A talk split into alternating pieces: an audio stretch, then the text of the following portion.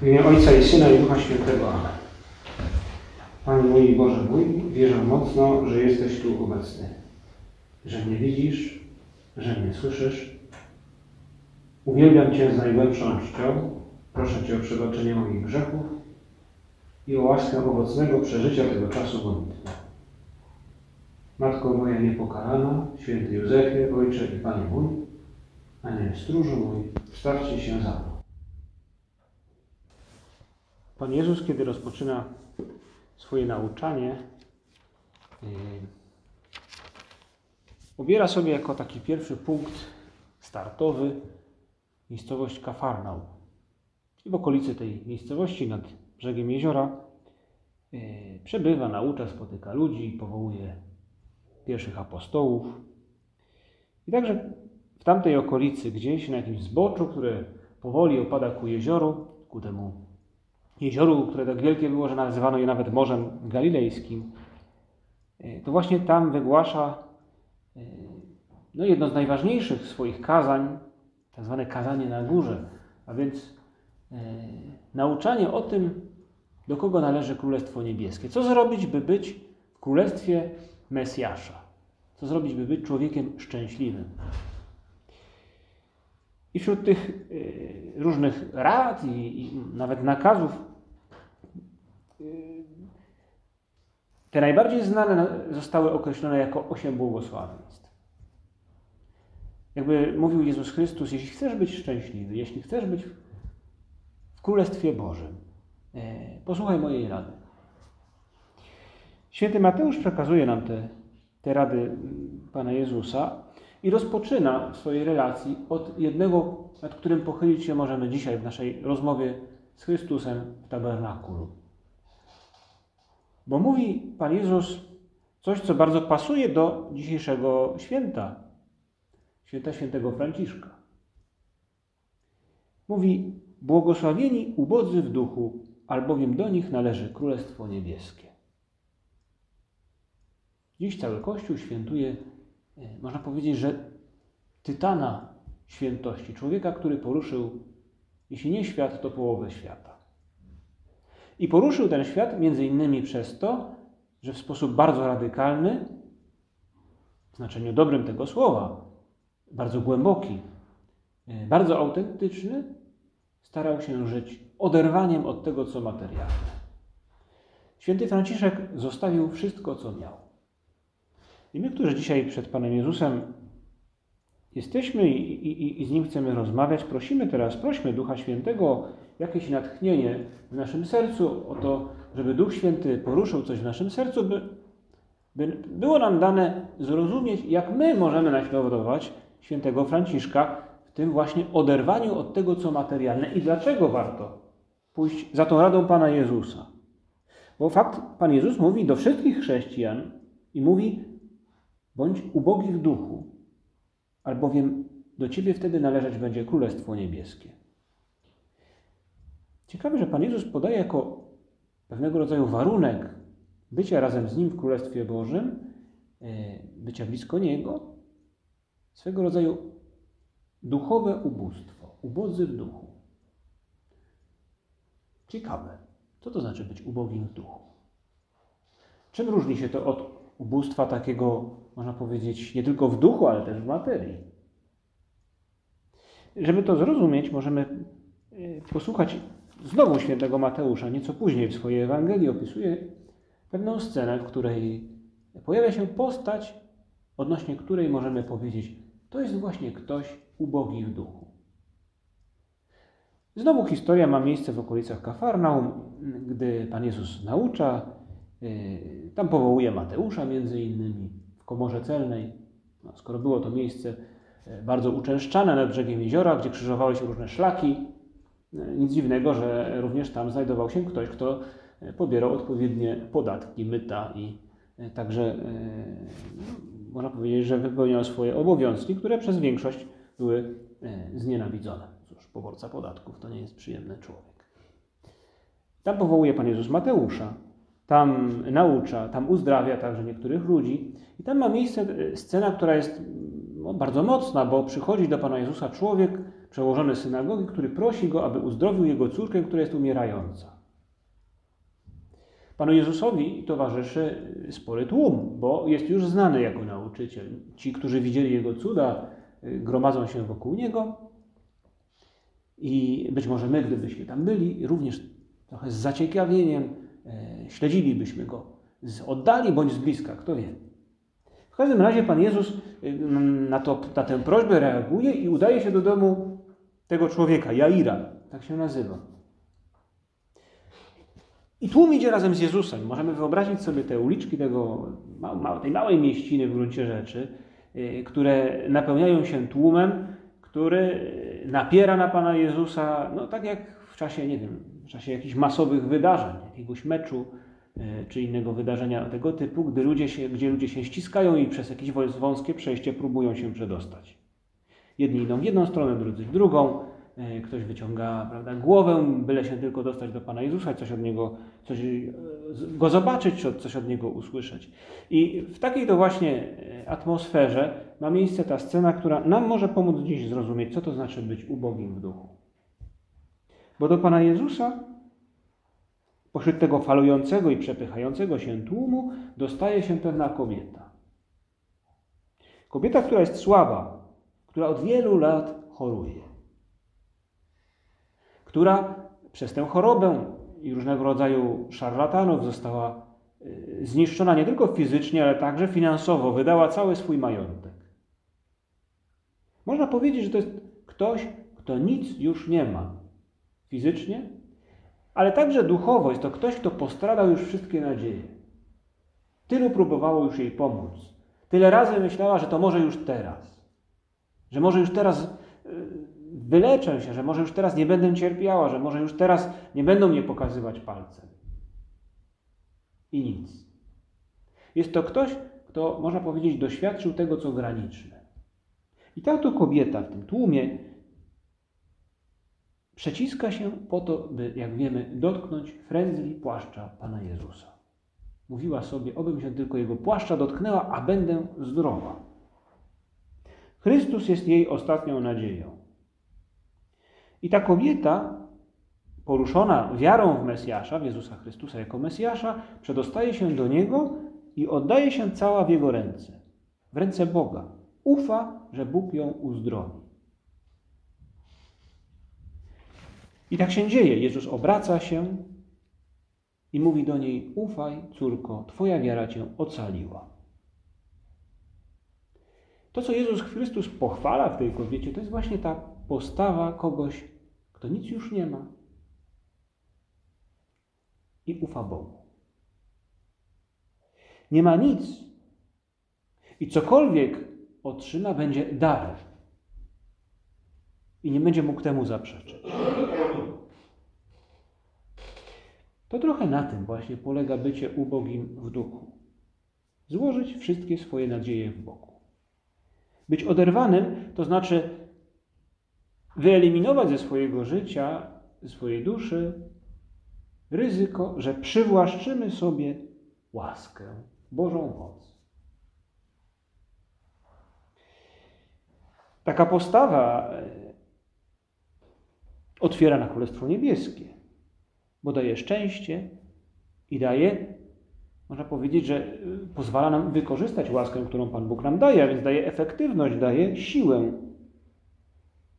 których nie da się zrozumieć, tej radości i tej siły, jako inaczej, jak tylko pochodzącej ze strony Pana Boga. Ktoś, kto siłę i radość rozumie inaczej, jako własną zasługę, umiejętności i tak dalej, zawsze kończy gdzieś bezsilnie, w jakimś wymiarze przynajmniej swojego życia. Dzisiaj, kiedy obchodzimy święto świętego Franciszka, możemy prosić szczególnie Pana Boga by pomógł nam być ludźmi, którzy są ubodzy w duchu, którzy pokładają nadzieję tylko w Nim. I częścią tego ubóstwa duchowego jest także oderwanie od tego, co materialne, by nie pokładać nadziei w tym, co właśnie przyziemne, co nas ciągnie, bo jesteśmy po prostu ludźmi, którzy żyją na tym świecie. Nic dziwnego, że to, co materialne, nas pociąga, angażuje.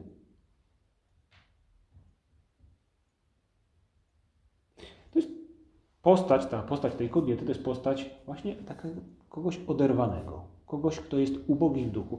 Są inne postacie, które w Ewangelii można powiedzieć, że są na, na przeciwległym biegunie. No, taką chyba najwybitniejszą, najwybitniejszą, najbardziej znaną postacią jest tak zwany bogaty młodzieniec, czyli ten, który właśnie będąc przywiązany do swoich dóbr różnych i jemu właśnie Chrystus zaproponował, weź się od tego oderwij, zostaw to wszystko i chodź za mną. Nie potrafił.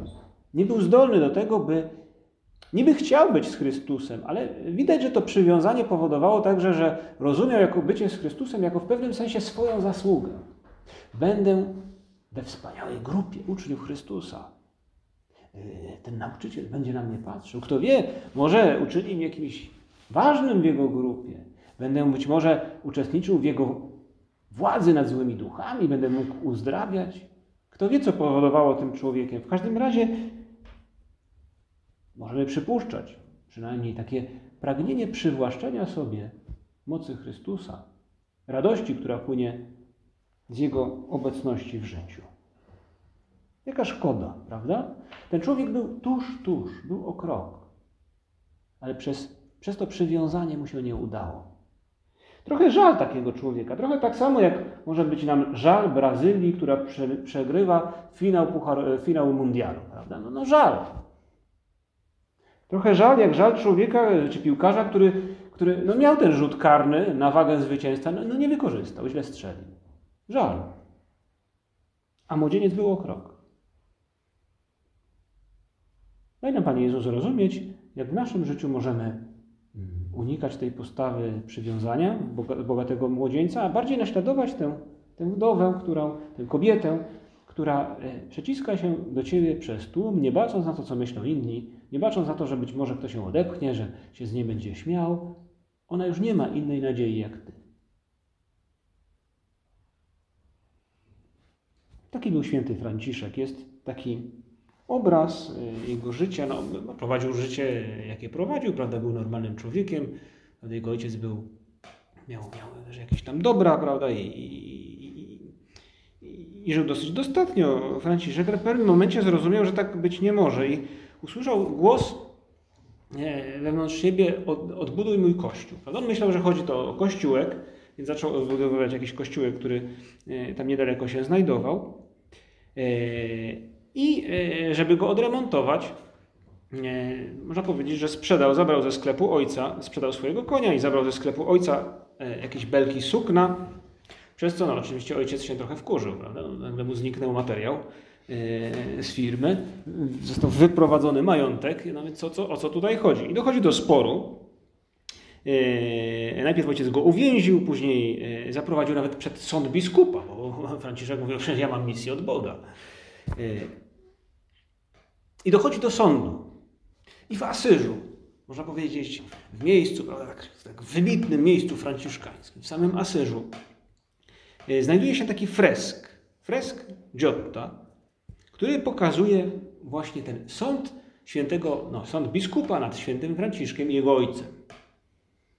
No to ciekawa taka średniowieczna scena, e, gdzie widać ludzi ubranych na ówczesną modłę, widać e, biskupa, widać też Franciszka, który spogląda w niebo, a z nieba z jakiejś chmury wystaje taka ręka błogosławiąca Boga. Ciekawy taki obraz. A naprzeciwko Franciszka stoi jego ojciec i widać, że jest wkurzony i ktoś go trzyma od tyłu tak lekko, żeby, żeby przynajmniej się nie rzucił na Franciszka. Obok stoją ludzie, gdzieś w kącie stoją dzieci, które się naśmiewają i trzymają ponoć w ręku kamienie, żeby rzucać w wariata. Cała ta historia opisuje tak naprawdę pewną decyzję, którą Franciszek właśnie tam podejmuje. Bo wobec tej całej sytuacji postanawia pozostać bez niczego. W ten sposób oddać Ojcu wszystko, co ma, co pochodzi od Niego, łącznie z własnym ubraniem. Ten fresk przedstawia właśnie Franciszka, który jest okryty jakimś tam łachmanem, a ojciec, który stoi przed nim właśnie z tą złą twarzą, trzyma jego odzienie. Bo ojciec wyrzeka się wtedy też także Franciszka i Franciszek właśnie tak reaguje, mówi od tej chwili, od tej chwili, nie, od tej chwili moim ojcem będzie tylko Bóg. Od tej pory mogę mówić Ojcze mój w niebie, gdyż Pietro Bernardone mnie wydziedziczył. To radykalne przeżywanie ubóstwa przez świętego Franciszka w tym przypadku, prawda, jest to takie, no naprawdę już no nic nie ma, prawda, tylko go jak ktoś dla przyzwoitości okrył jakimś łachmanem. E, I ten sposób przeżywania ubóstwa przez Franciszkanów, czy naśladowców świętego Franciszka, e, przez wielu nie, został, nie był dobrze zrozumiany, chociażby tym przykładem są te dzieci, które na tym fresku gdzieś tam w kącie e, stoją, mając zamiar wyśmiewać się i rzucać kamieniami we Franciszka. Ludzie nie rozumieją, że Franciszek pragnie służyć Bogu.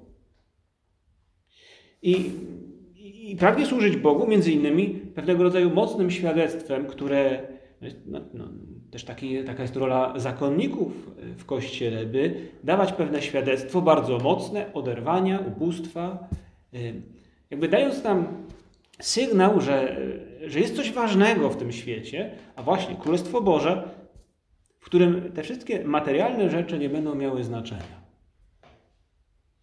To, co materialne, nie jest ostateczne. Można powiedzieć, że swoją postawą Franciszek na spółkę ze świętym Dominikiem w owych czasach zmienili Europę, zmienili świat. Właśnie takim radykalnym świadectwem Dominik także e, głoszeniem Słowa Bożego. E, Franciszek pokazał, że by służyć Bogu trzeba mieć serce tylko dla Niego. Przez ten znak, znak nawet tak fizycznego oderwania materialnego. Nasze życie jest nieco inne, bo nie jesteśmy zakonnikami. Naszą rolą w, tutaj na świecie, także naszą rolą w Kościele, nie jest dawanie tego eschatologicznego świadectwa. Naszą rolą jest zaangażować się w świat, zmienić go tak, by bardziej podobał się Bogu, by bardziej ukazywał Jego chwałę. W związku z tym mamy bardzo dużą styczność z tym, co materialne, z tym, co nazwijmy nawet to finansowe, z tym, co związane jest z rozwojem technologicznym. Pociąga nas to co, ma, to, to, co materialne, bo też w tej materii jakoś realizuje się nasza nadprzyrodzona misja, prawda? Tę materię mamy zmienić. Ale właśnie dlatego, ponieważ jesteśmy tak bardzo blisko, potrzeba w tym umiaru. I także i my, jak wszyscy chrześcijanie, wezwani jesteśmy do tego, by być ubogimi w duchu, by radzić sobie z tym, co materialne.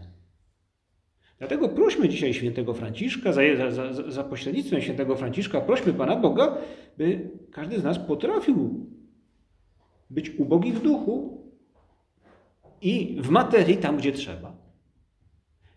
Na swoim miejscu, w społeczeństwie, w tym świecie, który jest także materialny. To ma bardzo praktyczne konsekwencje. Bo umiar ma praktyczne konsekwencje. Umiar, y, można powiedzieć, we wszystkim. Umiar w jedzeniu i piciu oznacza, że ktoś je i pije tyle, a nie więcej, prawda? Umiar w kontakcie z tym, co materialne, także przywiązywanie się do tego, co materialne, także oznacza, że pewne rzeczy tak, pewne rzeczy nie.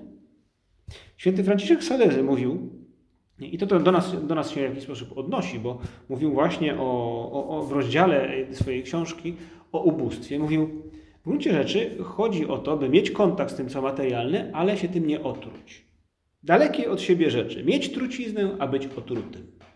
Mówi, mówi no, rzeczy materialne yy, pociągają i mogą być trucizną, bo mogą w naszym sercu zająć miejsce Boga, zająć miejsce miłości. Mogę kochać to, co materialne zamiast innych ludzi i Boga. Wtedy jest to trucizna. Ale mówi, aptekarze niemal wszyscy mają truciznę jako lekarstwo, a przecież się nim nie trują. Jakby zachęcał nas ten święty do tego, byśmy e, właśnie zachowywali się trochę jak aptekarze. Nie, to już może inne czasy. Nie wiem, jak teraz aptekarze pracują z różnego rodzaju substancjami, jak fabrykują różne e, tam, lekarstwa i, mm, i pomady, ale na pewno chodzi o to, by sobie z tym radzić. Być ubogim w duchu to nie przywiązać się, czasami oderwać. Oderwanie to jest kwestia ducha i materii, tych dwóch spraw, tych dwóch dziedzin. I dużo głębszą sprawą jest ubóstwo duchowe, a więc nieprzywiązanie serca. Można nic nie mieć, a nie być ubogim w duchu.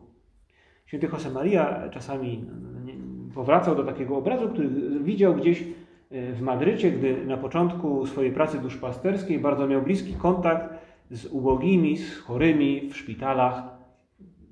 Bardzo z bliska towarzyszył wtedy jako ksiądz właśnie ludziom, no, no może nie na marginesie prawda, społeczeństwa, ale ludziom w granicznych sytuacjach. I opowiadał, jak widział w jakimś przetułku czy jadłodajni właśnie takiego bezdomnego czy ubogiego, który który, który, który, który nic nie miał i czekali ci bezdomni na, na jakiś, czy bezdomni, czy ludzie przynajmniej potrzebujący, czekali na jakiś posiłek, który gdzieś ludzie, czy, czy jakieś siostry im serwowały. I opowiadał jako taki przykład człowieka, który który zapadł mu w pamięć jako ten, który, który mimo ubóstwa takiego materialnego był wewnętrznie, duchowo, ewidentnie do czegoś przywiązany. To człowiek, który, gdy pojawił się ten obiad, prawda, spałaszował wszystko, co, co, co tam się znalazło, a na końcu z taką pieczołowitością oglądał swoją łyżkę i schował ją za pasuchę. To był człowiek, który miał łyżkę. Przywiązany do tej łyżki. To była jego łyżka który nikomu nie daje. Można powiedzieć, no, można to trochę, jedno wydarzenie, trudno osądzać człowieka na tej podstawie, też nie wiadomo, nie wiadomo kto to był, ale to taki graficzny trochę przykład człowieka, który mimo, że teoretycznie nic nie ma, to jednak jego serce jest związane. To jest trochę ekstremalny przykład. My jesteśmy trochę na drugim biegunie, prawda? My zazwyczaj jednak fizycznie dużo rzeczy mamy, ale także nas kosztuje oderwać się duchowo, nie być przywiązanym do tego, co materialne. No, Pan Jezus zresztą mówi, nie jest łatwo żyć w otoczeniu dóbr różnych. A my wszyscy żyjemy, było nie było, w dużym dobrobycie. Na pewno większym niż nasi rodzice, na pewno większym niż nasi dziadkowie, na pewno większym niż na początku XX wieku, 100 lat temu, prawda? Dużo się zmieniło. Mówi Pan Jezus, łatwiej jest wielbłądowi przejść przez ucho igielne, niż bogatemu wejść do Królestwa Bożego. Nie jest łatwo tym, którzy przyzwyczajeni są do dobrobytu. Święty Josemaria daje nam taką radę, jak stać się tym, który godny jest Królestwa Niebieskiego, a więc tym, który jest ubogi w duchu. Posłuchaj słów Pana. Błogosławieni ubodzy w duchu, albowiem do nich należy Królestwo Niebieskie. Jeśli chcesz osiągnąć tego ducha, to radzę ci, abyś w stosunku do siebie był oszczędny, a wspaniałomyślny wobec drugich. Unikaj zbytnich wydatków na luksus, na wygodę, próżność, zachcianki. Nie stwarzaj sobie potrzeb. Słowem, naucz się od świętego Pawła, który mówi: Umiem cierpieć biedę, umiem i obfitować. Do wszelkich w ogóle warunków jestem zaprawiony i być sytym i głód cierpieć, obfitować i doznawać niedostatku. Wszystko mogę w tym, który mnie umacnia jakby mówił tutaj akurat święty Paweł, moje serce pokłada nadzieję w Bogu. Równie mocno jak ta kobieta, która już nic innego nie miała. Spróbujmy przekuć te rozważania o oderwaniu naszego serca, które jeśli zajęte jest przez sprawy materialne, w znaczeniu tym meta, prawda? Jeśli naszą nadzieję pokładam w tym, co materialne, to blokuje mnie to na sprawy Królestwa Niebieskiego. Nie wyczuwam obecności Pana Boga. I brakuje mi tej siły, którą, tej łaski, którą on daje mi do dyspozycji. Rozważmy te rzeczy w naszym sercu i przekujmy je na konkrety, nasze, osobiste. Uciekając od kazuistyki można, nie można. A zadając sobie i Panu Bogu pytanie, Panie Boże, czy to mi pomaga? Czy to mi jest potrzebne? Pomyślmy o naszym podejściu właśnie do tego, co materialne. Czy łatwo przychodzi mi wydawać pieniądze? Ale jest bardzo łatwo wydawać pieniądze. Blik, blik. Karta w telefonie. Kaprys, kawa, batonik. Prawda? Czy łatwo wydaje pieniądze? A możemy też to pomyśleć, a czy potrafię wspierać innych moimi pieniędzmi? Czy potrafię wesprzeć, wesprzeć hospicjum? A czy potrafię wesprzeć także, nie wiem, ośrodek, w którym uczęszczam na formację? To kiedyś jeden, to trochę, mi, trochę mi się przykro zrobiło, kiedy, kiedy o tym słyszałem, ale kiedyś, jakiś czas temu, jeden e, ktoś, kto prowadził krąg dla studentów, mówił, no, jak wiemy, w czasie kręgu, e, czy po kręgu tak naprawdę, jest zawsze jakaś okazja do tego, żeby zrobić taką małą zbiórkę, która służy na to, by wesprzeć ubogich, czy także, aby kupić kwiaty które zdobią ołtarz, szczególnie w święta i w dni poświęcone Matce Bożej. I mówił ten ktoś, na, po kręgu było, na którym było 10 studentów, e, ktoś, wtedy akurat jeszcze nie było kart, prawda, ale wtedy ktoś woreczku, do którego zbierano, ro, robiono tą zbiórkę, znalazło się 5 złotych. 5 złotych. Możemy pomyśleć, ile razy, prawda? Nie kosztuje mnie wydać dużo więcej na kawę, nie kosztuje mnie dużo więcej wydać na, na jakiś inny kaprys, a kosztuje mnie pomóc właśnie na przykład hospicjum, ośrodkowi, gdzieś może innej instytucji, albo komuś, kto jest w potrzebie. Czy łatwo wydaję pieniądze? To jest właśnie praktyczne pytanie, które możemy sobie zadać. Czy potrafię wykorzystywać to, co mam, zanim kupię nowe? To na pierwszym miejscu dotyczy jedzenia, prawda? Mam, ale mi się to trochę nie podoba, nie smakuje, prawda? To kupię sobie coś innego. A tam to się zepsuje. Będę musiał wyrzucić. Czasami to dotyczy może jakichś mniej wygodnych sprzętów, które no, bo są nowsze, lepsze, sprawniejsze, ale mógłbym używać starszego. To oderwanie, to nieprzywiązywanie serca często właśnie polega na tym możemy pomyśleć, w czym szukamy bezpieczeństwa. To też jest kwestia przywiązania naszego serca. Wtedy, gdy tego bezpieczeństwa szukamy w tym, co materialne, bo bardzo intensywnie żyję światem mody. No, ktoś opowiadał niedawno, że widział na, na wykładzie jakieś parę ławek przed sobą kogoś, kto skrolował zakupy na Zalando. No, no, no właśnie. No. Być może ja także, przynajmniej chwilami, angażuję się zbytnio w to, co dotyczy mody, przywiązuje się bardzo do jakiejś konkretnej marki, do technologii. Prawda? Ciężko mi, bo nie mam najnowszych AirPodsów na przykład. Ciężko mi się żyje. Czuję się nieswojo. Być może to wszystko nie dotyczy każdego, ale być może niektóre z tych rzeczy tak. Bardzo dobrze w tym wychowywaniu naszego serca, w tym nieprzywiązywaniu naszego serca, w tym niepozwoleniu, by fala materii zalała nasze serce, bardzo pomaga taka praktyka, którą Kościół zaleca już od dawna, od wielu, wielu wieków.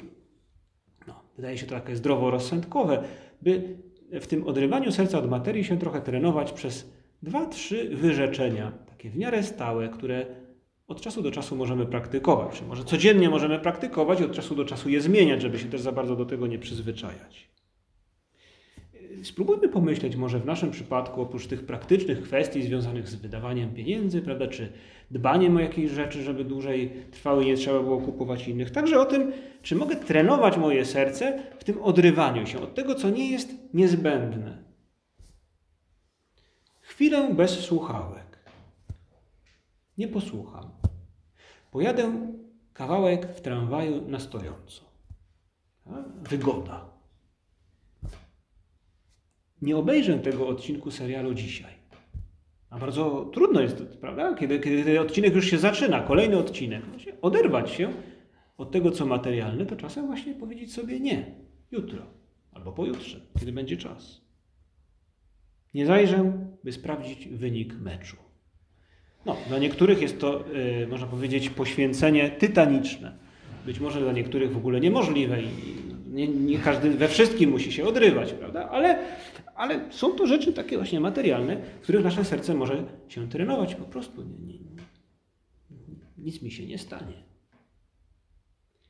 Święty Franciszek jest takim przykładem, dobrym przykładem człowieka, który żył na tej ziemi i który, którego Pan Bóg powołał, by dał nam przykład byśmy na niego patrząc znaleźli jakoś, jakiś punkt zaczepienia z naszym życiem. Pomóż nam, Panie Jezu, o to Cię prosimy na koniec naszej modlitwy. W tym świecie, w którym chcemy się angażować, by go zmienić, a więc zakładając, że będziemy mieli bardzo duży kontakt z materią, w tym świecie pomóż nam żyć z myślą o Królestwie Bożym. Prosimy Cię, pomóż nam zachować nasze serce wolne od przywiązania. Ubogie w duchu. Tacy chcemy być, ubodzy w duchu, bo do takich, jak Ty mówisz, należy Królestwo Niebieskie. Prośmy Maryję, która towarzyszyła Panu Jezusowi przez cały czas, widziała jak naucza, widziała także, słyszała, przynajmniej z opowieści, to o czym nauczał, widziała tych, którzy próbowali Jezusa naśladować. Pewnie tak podobnie patrzy na nas. Pewnie gdybyśmy tam byli, to i usłyszałaby od Jezusa, usłyszałaby także od Jego przyjaciół. Prośmy Maryję, by pomogła nam yy, wsłuchiwać się w głos Ducha Świętego, który w naszym sercu od czasu do czasu podsunie nam natchnienie i powie nam, na to nie zważaj, daj z tym sobie spokój. Pomóż nam, Matko nasza, yy, z taką gotowością wyruszyć za Twoim Synem, yy, żyć w oderwaniu, tym ubóstwie duchowym, które czasem wymagać będzie od nas oderwania tego, co materialne, w sposób mniej lub bardziej radykalny. Pomóż nam, Matko nasza, odrywać nasze serce od tego, co materialne, by było w nim miejsce dla tej największej miłości, jaką jest miłość Twojego Syna, która daje nam radość i szczęście. Dzięki Ci składam Boże mój za dobre postanowienia, uczucia i natchnienia, którymi obdarzyłeś mnie podczas tych rozważań. Proszę Cię o pomoc w ich urzeczywistnieniu. Matko moja niepokalana, święty Józefie, Ojcze i Panie mój, Aniele stróżu mój, stawcie się za mną.